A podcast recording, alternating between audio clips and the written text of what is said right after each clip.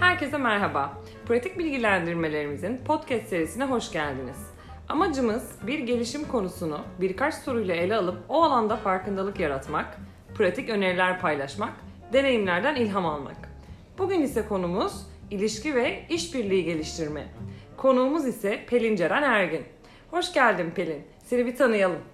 Merhaba, e, Tofaş'ta alan yöneticiliği yapıyorum.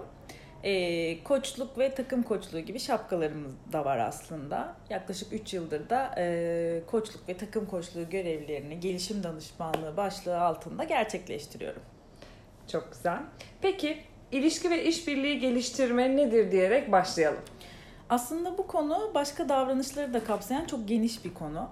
Özetle şöyle toparlayabiliriz. E, hedefleri aynı olan kişiler arasında güven oluşturmak, karşılıklı iletişimi teşvik etmek ve e, ilişkileri güçlendirmek için insanların kişisel ihtiyaçlarını karşılamak diyebiliriz.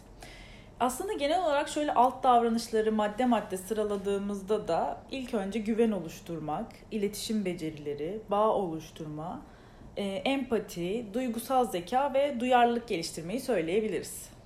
Peki bu yetkinliğe sahip bir kişinin öne çıkan birkaç özelliğini sorsak? E, aslında biraz önce e, söylediğim alt davranışları da destekleyen şeyler söyleyebilirim burada. Örneğin bu kişiler güvene dayalı ilişkiler kurar. E, o bağın kalıcı hale gelmesi için iletişimi her zaman canlı tutarlar. Ee, özellikle dinleme konusu burada çok kıymetli olur. Bu kişiler insanları iyi dinler, meraklar, merakla yargılar olmadan e, odaklanarak dinlerler e, karşısındaki kişiyi anlar. Yani aslında buna biz empati kurma olarak da adlı, adlandırabiliriz. Ne demek istediklerini duyar. Bazen aslında söylemediklerini de duymaya çalışırlar. Her türlü görüşe de saygılıdır. E, geri bildirim alır, geri bildirim verir. E, aslında bir diğer nokta da bu kişilerin duygusal zekası yüksektir. Yani hmm. son zamanlarda çok konuşulan bir kavram bu. E, duygusal zekayı şöyle bir açmak isterim. E, kişinin kendini tanıma ve duygularını en pozitif şekilde yönetme, yönlendirme becerilerini, becerilerini kapsayan bir zeka türüdür aslında. E, duygusal zekanın genetik kodlarla aktarıldığı bilinse de yaşam boyunca kullanıldığı, kullanıldığında da aslında güçlü bir kasada dönüştüğünü biliyoruz. Bu iyi haber. Peki e, bu yetkinliği etkin kullanan kişi ne kazanır? Aslında iki yönlü bir kazanımı olur. Bu davranış hem iş hem sosyal ilişkilerin sağlıklı olmasını destekler. Hı hı. E, iş hayatında çalışmalarına başarı getirirken bir yandan da sosyal doyumdaki pozitif etki kişinin psikolojik sermayesini de güçlendirir. Süper. Peki bu yetkinlik olmadığında kişi e, bunun eksikliğinde ne zorluklar yaşar?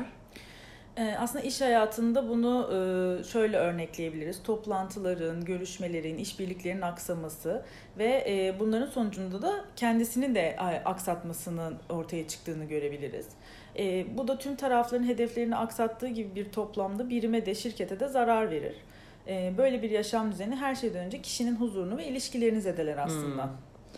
Peki bu konuyu bir şeye benzetecek olsan, dinleyenlerin de aklında kalması için Örneğin ne olurdu?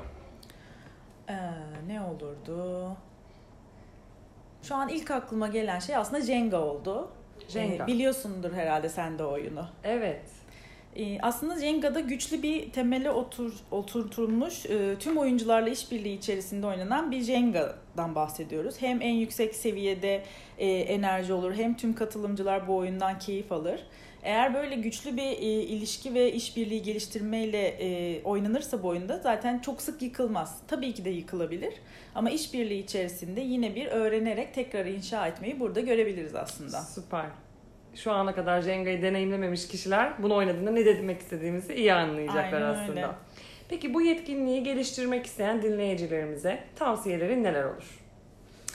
Ee, şöyle şeyler önerebilirim aslında. Öncelikli olarak e, şu anda mevcuttaki durumu bir analiz etmeleri aslında önemli. Toplantıların, ekip çalışmalarının nasıl geçtiğini gözlemleyerek mevcutta bu konuda ne durumdalar e, bunu keşfetmeleri ilk adımı olur. E, etkileşim içinde oldukları kişilerden görüşmeler veya toplantılardaki ilişki yönetim beceriyle ilgili düzenli geri bildirim almaları onlarda farkındalık yaratır. E, tabii ki bu mevcut durumu analiz ettikten sonra ve geri bildirimleri aldıktan sonra da gelişim de başlangıcı olarak e, okuma önerileri verebiliriz. Örneğin kütüphanemizde yer alan e, değer katan ekip çalışması E, Profesör Doktor Acar Baltaş'ın bir kitabıdır aslında. E, ilişki yönetimi için Tideo'da videolar var. Bunlar izlenebilir. E, ilişkilerde transaksiyonel analiz yaklaşımları videoları var. Bunlar izlenebilir. Böyle şeyler önerebiliriz. Süper. Aslında e, uygulayabilecekleri de aynı zamanda kaynaklardan da öğrenebilecekleri farklı pek çok öneriler dinledik. Tüm paylaşımlar için teşekkür ederim sana. E, dinleyicilerimiz için de bu konuda deneyimleri, görüşleri, soruları olan herkesin Pratik Podcast serisinde yorum bölümüne yazabilirler ya da bizlere ulaşabilirler. Bir sonraki kayıtta da görüşmek üzere.